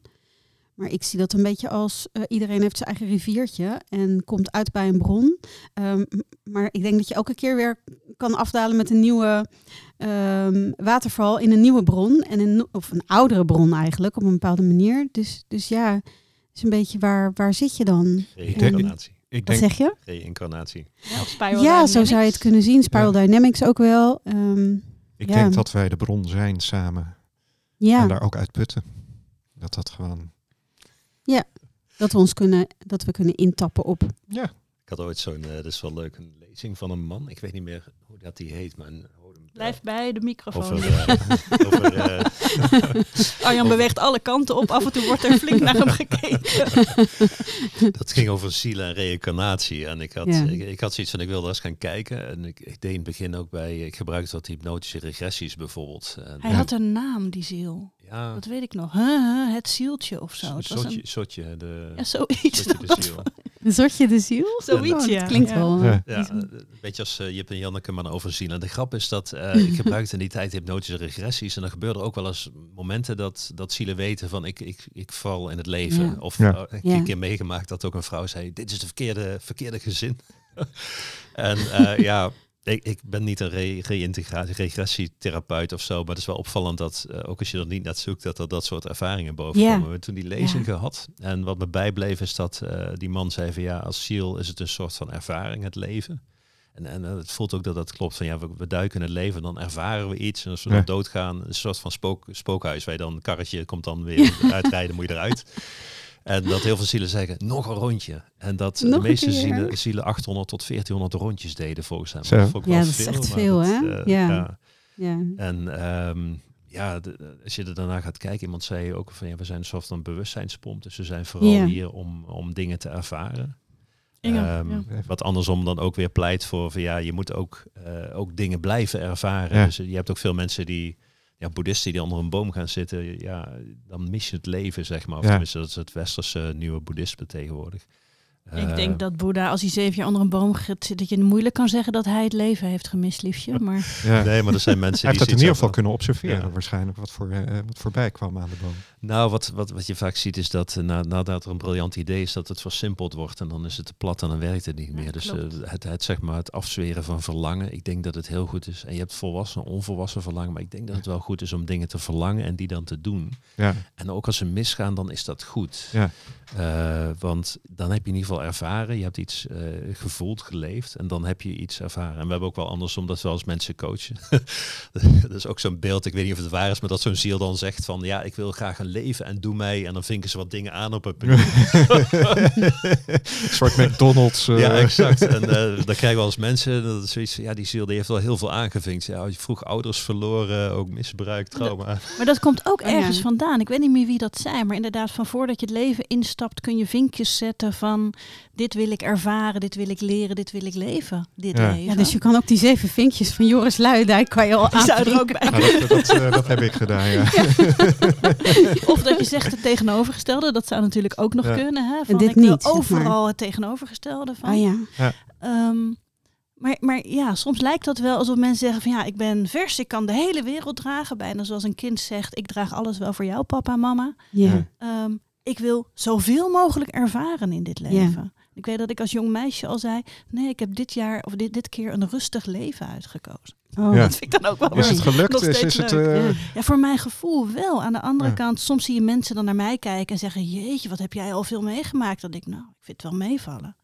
Dus ergens kun je het- dat ook... Zit dat dan in het leven kiezen of de keuze voor hoe ga ik het met het leven om? Ehm, dat is een goede vraag. Dus van valt het leven je toe of bepaal Ja. je zelf een heleboel en zo? Hè? Dat is Ja. een eh, mooie vraag om over na te denken. De meest ingewikkelde vraag die er is. Ja, Ja. dat is het. Ja, Ja. ik kan er wel ingewikkeldere vragen verzinnen, maar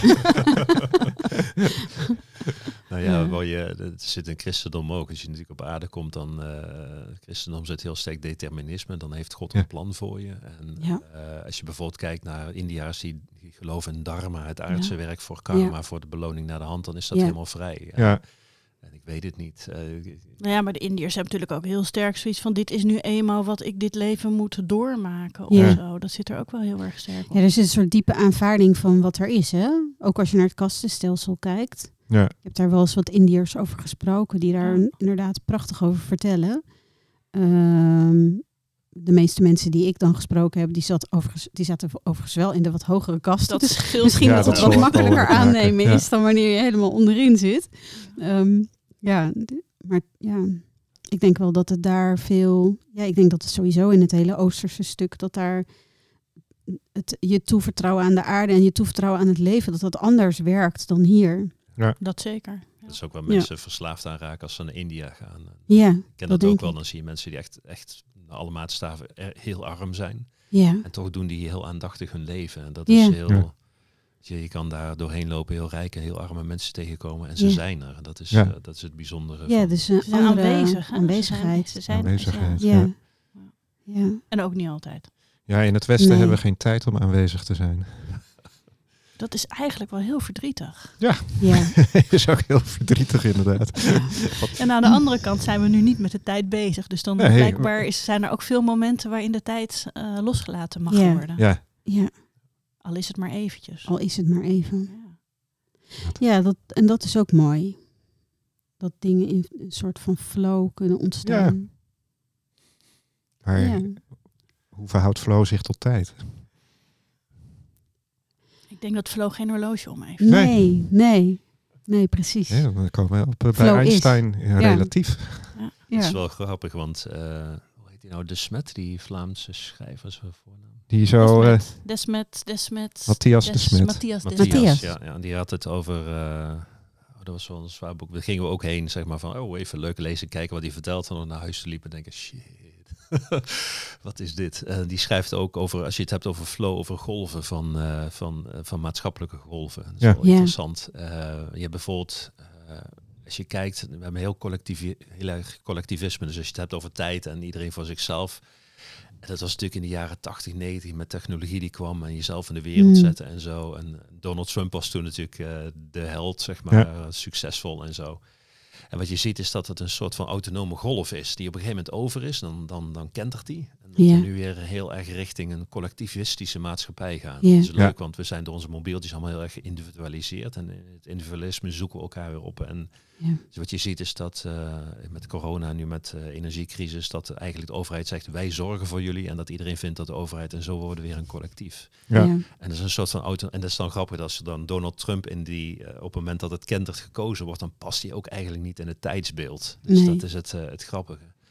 En, en je hebt meer van dat soort golven. Ook, ook bijvoorbeeld eh, eentje die ik ook wel zie is vertrouwen in leiderschap. Ja. Dus we Ja. hebben in Eindhoven hebben een John F. Kennedy laan. Nou, ik denk niet dat er een Barack Obama aan laan en al helemaal niet een Joe Biden Nee. laan komt. Nee. Dus wat je ziet, en, en die zat ergens in de jaren 30 zat hij natuurlijk op zijn top. Want dan had je het nazisme, maar je had in verschillende Europese landen. Je had Adolf Hitler, die mijn Führer werd genoemd. En iedereen vond dat helemaal goed, helemaal Ja. geweldig. En je had natuurlijk ook de uh, Berlus, nee, Berlusconi, sorry. Ja. Eh, hoe heet het, die eh, man in Italië? Mussolini. Mussolini. Ja. Ja. En, en sterke leiders, en daar, dat Ja. vonden we geweldig. En nu mag dat niet meer. Dus het Nee. is nu gekend dat we, we hebben eigenlijk enorme wantrouwen in de overheid. En Ja. eh, bijvoorbeeld met corona zie je dat. Ja, dat is een heel simpel virus. je moet wat afstand houden en dat is het. Ja. En alle lelijkheid die daarboven komt, Ja. dat heeft niet zoveel met corona en de huidige eh, mensen Nee. te maken. Maar dat is een soort van tijdgeest. En dat zijn golven die, eh, of bijvoorbeeld focus op sterke en zwakkere. Dus je had ook in de jaren dertig had je körpercultuur en die atletische mannen en Ja. zo. En dat was Ja. ideaal. En Zie je nu ook weer. ja, nou, Dat zag nu- je in de Nou. tijd van de Grieken natuurlijk ook heel erg. Ja. ook ja. En Daar dat is nu was dat, gekend. Nu is er niet meer focus voor degene die het goed doen, maar de focus voor de zwakkeren. Ja. Eh, en, en dat zijn golven, die hebben allemaal een soort van eigen tijdsgolf of zo. En die, dus wat je nu ziet is dat het collectivistisch wordt, maar het wordt, eh, we willen niet sterke leiders en we hebben focus op een zwakker. En dat is de mix die er de komende tien jaar aankomt. Ja. En dan krijg je een soort van collectivistische maatschappij zonder gezicht. Ja, is dat niet dezelfde beweging die we op een bepaalde manier in ons eigen leven ook maken? Hè? Als kind dan ben je natuurlijk heel erg, dan zit je met die ontwikkelingslagen allemaal. En we bouwen dat ik-ideaal op. En ons, onze, hè, eh, op een gegeven moment merk je dat er een fase in je leven komt. Vaak is dat voor mensen toch wel in de, eh, hoe heet die crisis ook weer, midlife crisis. Ja. Mm. Bij mij is het Ja, meestal, 40. ik hoop dat het voor mijn mid midlife was, maar in ieder geval wel in die fase.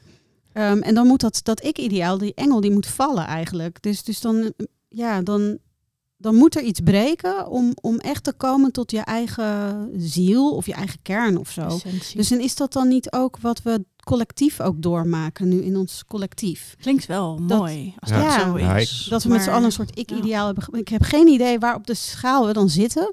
Maar ik, ik, geloof wel ik- altijd in dat die bewegingen ehm, groot en klein en kleiner. En dat dat altijd een soort Ik denk dat daar universele een beweging is. redelijke universele cycli, of cyclus is. Ja. Waar alles, natuur, Ja, alles het- is trilling eigenlijk. ja, op een de bepaalde manier. samenleving op, Geluid, eh, energie. op geënt is. Eh, Nou, ja, wat je nu ziet is dat, dat als je hem kleiner pakt, hè, dat je heel duidelijk ziet van wie vertrouwt, eh, flauw gezegd, de ouders. Ja, En Ja. eh, hoe ga je daarmee om? Dus je ziet een groep Exact. mensen die zeggen van ja, maar mijn ouders, de politiek moet het allemaal oplossen en die moet voor ons zorgen. Ja. Ja. En je ziet een groep mensen die zeggen, nou ja, daar vertrouw ik echt totaal niet op. nee, precies. En dat is ook nog wel weer interessant, want als dan als we hem vanuit een andere hoek bekijken, dan is de groep, dat is ook de moeder. Dus wij zijn met z'n allen, zijn wij Ja. een soort van het wijzende vingertje van de moeder richting die overheid dan weer. Absoluut. We zijn naar maternalistische samenleving aan het gaan. Van paternalistisch naar maternalistisch. Dat kan, Ja. dat is al weet ik niet. De, grap is, die, die golven van, die Matthias beschrijft, die zijn wat autonoom. En er zitten parallellen. Ehm, Ja. Maar ik heb het idee dat het iets groters is. En bijvoorbeeld inderdaad materialistisch, materialistisch. Wat je, of of Ja. bijvoorbeeld overheid, vertrouwen. Wat je nu ziet is dat, eh, dat was een dieptepunten. Nu is Ja. dat al aan het stijgen. Dus als ik 20-jarigen hoor, die zeggen ja, de overheid moet iets doen. En jij en ik Ja. zijn van de generatie dat als de overheid iets doet, dat het meestal misgaat. en, Dus eh, dat is jouw Dat invulling, niet. Dat ik nou, ja, ik, ik zie, ik Ik zie weet het een, niet. eh, Ik denk wel dat de overheid misschien ehm, opnieuw naar eigen plek moet kijken. Ja. En als Dat ik mijn kinderen over de overheid hoor, dan zeggen ze eerder kappen met die overheid en alles opnieuw Ja. Eh, en naar een hele andere wereld. Dat is wel symbool voor een groter verlangen in een overheid die zorgt. En dat is, dat is een nieuwe Nee, dat hoeft Nee, want zij willen dat, juist niet. Zij Nee. willen niet dat de overheid Het gaat zorgt. over gelijkheid. Het gaat Ja. hier over autonomie terugvinden Ja. Ja. Mhm. en terugkrijgen. Dat is wel Bij mijn kinderen dan. Hè? En, en ergens wordt het op veel plekken gevraagd. Hè, van moeten we niet helemaal terug naar nou ja, nul bijna. Ja, En opnieuw gaan opbouwen. En aan Ja. de andere kant, in hoeverre kan dat? In hoeverre Nou is ja, dat dat weet zou- mogelijk? dat weet ik niet. knip zetten. En zo'n knip is meestal redelijk ja, dramatisch, gewelddadig wellicht. Ik weet ook niet. Misschien zijn we er op Nee, dit moment mee bezig met te eh, maken. Oekraïne. Dat zeg en, jij eh, ook al, Arjan. Ja. ja, Dan krijg je de uitsterving van de Maya's en zo. En eh, dan, dan mogen Ja. de paar die het oh, die overleven, die mogen het opnieuw Ja. gaan eh, vormgeven. Ja. Je kan het in het klein zien als je bijvoorbeeld kijkt naar eh, wat je ziet in Latijns-Amerika. Daar hebben ze ook wel behoorlijk wat wantrouwen tegen overheid. En, en dan overheid kan er alleen groot worden door heel socialistisch en heel veel geld uit te delen. En, en op een gegeven moment wordt het zo complex, zoveel geldstromen dat het dan instort. En dat dan wordt het een beetje gekocht. Ja, dan wordt de loyaliteit gekocht. En dat zie je in Argentinië en Venezuela misgaan. En ik heb het idee dat, eh, wat je ziet is de maatschappij wordt steeds complexer. En het is heel pijnlijk om dat af te bouwen. En eh, wat je ook ziet is dat we behoorlijk wat stress zetten op het financiële systeem. Dus waar ook zou zijn dat een crisis zou zijn dat het geld niks meer waard is. En dan stort het in en dan kun je Ja. Dat zou, eh, Ja. Zou lekker rustig zijn. Ja. Ja, er zijn een heleboel mensen die denken dat het die kant op gaat. Ja, Ja, Maar dat is wel een pijnlijke crisis als je daar doorheen moet. Zeker. En, en jij bedoelde daarvoor volgens mij die golfstroom van er is iets in gang gezet en dat die, die golft al door de wereld en daar kun je niet meer van, van weg of terug Ja, of zo. sommige mensen zeggen dan, eh, nu is het World Economic Forum, vroeger was dat Bilderberg, van er zit een man achter achter het gordijn die dat stuurt. En dan hoop ik dat dat waar is, want dan is er iemand die erover nadenkt. Maar ik denk Ja. dat het autonome Nou. stromen zijn waar Dat we mee denk ik ook, ja. ja. Ik denk ook dat het dat gewoon denk ik een, ook. een, een Collectieve beweging is. energie. Ja, dat Ja. denk ik ook. energie, Ja. ja. ja, die door alle partijen in stand wordt gehouden. Ja. En Ja. waar we dan over spreken en Nee, de vraag is- aan het sturen. De vraag is, zijn wij daar bij machten in Ik denk van om? niet. Nee. Dus, dus zijn Nee. er dan partijen die het in stand houden? Of is het nu eenmaal zo dat Het de, de het wind is. door de wereld waait? Ik Ja. denk het laatste. Ik ja. denk het ook. Ik geloof Ja. niet zo in dat hier een eh, Klaus Schwab eh, als een soort uh, puppeteer eh, hier de boel aan het aansturen is. Het zijn wel mooie filmscenario's hè, die je langs ziet komen. Ja. Ja, Dat is wel leuk, dus we gaan ja. zien wat er En ik denk ook dat alles wat we bedenken, dat dat kan zijn. Ja. En alles wat we niet bedenken kan ook zijn. Ja. Ja, Ja, dat dan ook wel weer. Misschien Ja. is alles er al. We moeten wel alleen kiezen. En dan eh, is tijd er niet meer, hè? nee. Alles in het hier en het nu. Ja. En nu we het toch over tijd hebben, kijk ik heel even. Want we zitten al op een uur en bijna twaalf, nou in ieder geval twaalf kwartier. minuten. Dus we zijn nog best wel een eind onderweg. Dus misschien is het ook een goed punt om even naar een afronding toe te gaan. Omdat we weten dat de meeste luisteraars afhaken na een bepaalde tijd. dus En zouden we dat kunnen sturen of zou dat ook een stroom? dat weet ik niet. Maar ja, ik vind het wel mooi om van de gelegenheid gebruik te maken. Of jullie nog iets willen vertellen. Wat, wat zou je nog... Ja, wat moet er nog eh, wat, willen jullie dat de luisteraars nog Ja. horen? Ehm, ik zou de luisteraars graag willen vragen of ze mee willen denken wat wij qua systemisch werk nog kunnen ehm, toevoegen waar we zelf niet op aangehaakt zijn of aan denken. Mooi. Dus wat, wat wij zien is van masterclasses bijvoorbeeld of invulling van voetstap in het veld, de inspiratiedag. Mhm. Ehm, daarin vinden we het zo fijn om ook feedback te krijgen vanuit het veld. Vragen vanuit het veld, eh, ideeën vanuit het veld. En dat ehm, mag wat ons betreft nog wel wat meer gaan Meer. stromen. Mooi. Ja, Ja, ik zat in het verlengde te denken met voetstappen. Er gebeurt een heleboel. En wat, eh, waar we soms niet bij stilstaan, is dat we pas 20 jaar bezig zijn met systemisch Ja. werk in Nederland. Ja. En, eh, ik heb in 2006 of zo de opleiding, dus dat was de zesde jaargroep die Phoenix startte. Ja, Eh, en het gaat steeds harder, lijkt het. Dus alle Ja. opleidingen zitten nu vol. Er komen heel veel nieuwe scholen. En er worden ook heel veel bijvoorbeeld maatschappelijke opstellingen worden ontwikkeld. Er wordt Ja. ook eh, systemisch werk met trauma bijvoorbeeld, Ja. IOPT. Eh, er zijn heel veel nieuwe stromingen. En eh, we proberen dat ook zichtbaar te maken. Dus, dus sowieso kom kijken als je coach Zeker. bent en je werkt systemisch. Ja. Of überhaupt als je coach bent en je vraagt je af wat is er mogelijk. Maar laat ons ook weten, want we missen soms dingen. We zien heel veel Ja, eh, op de hoge berg waar we zitten. Eh, maar soms missen we ook dingen. Eh, dus, dus help ons eh, bijvoorbeeld van de inspiratiedag. Die gaat er weer aankomen in mei om daar een mooi succes van te maken. Ja. zeker. Nou, dus voor wie luistert, eh, voel je vooral heel erg eh, uitgenodigd om Arjan en Ariane daarover te Berichten bellen, te mailen. LinkedIn, te- ja, ja, absoluut. Als ik hier gelijk in mag haken. waar- Graag. waar we natuurlijk- ik zie glimmende oogjes. Ja, voor, voordat wij begonnen over... eh, hè, zelf word ik al enthousiast.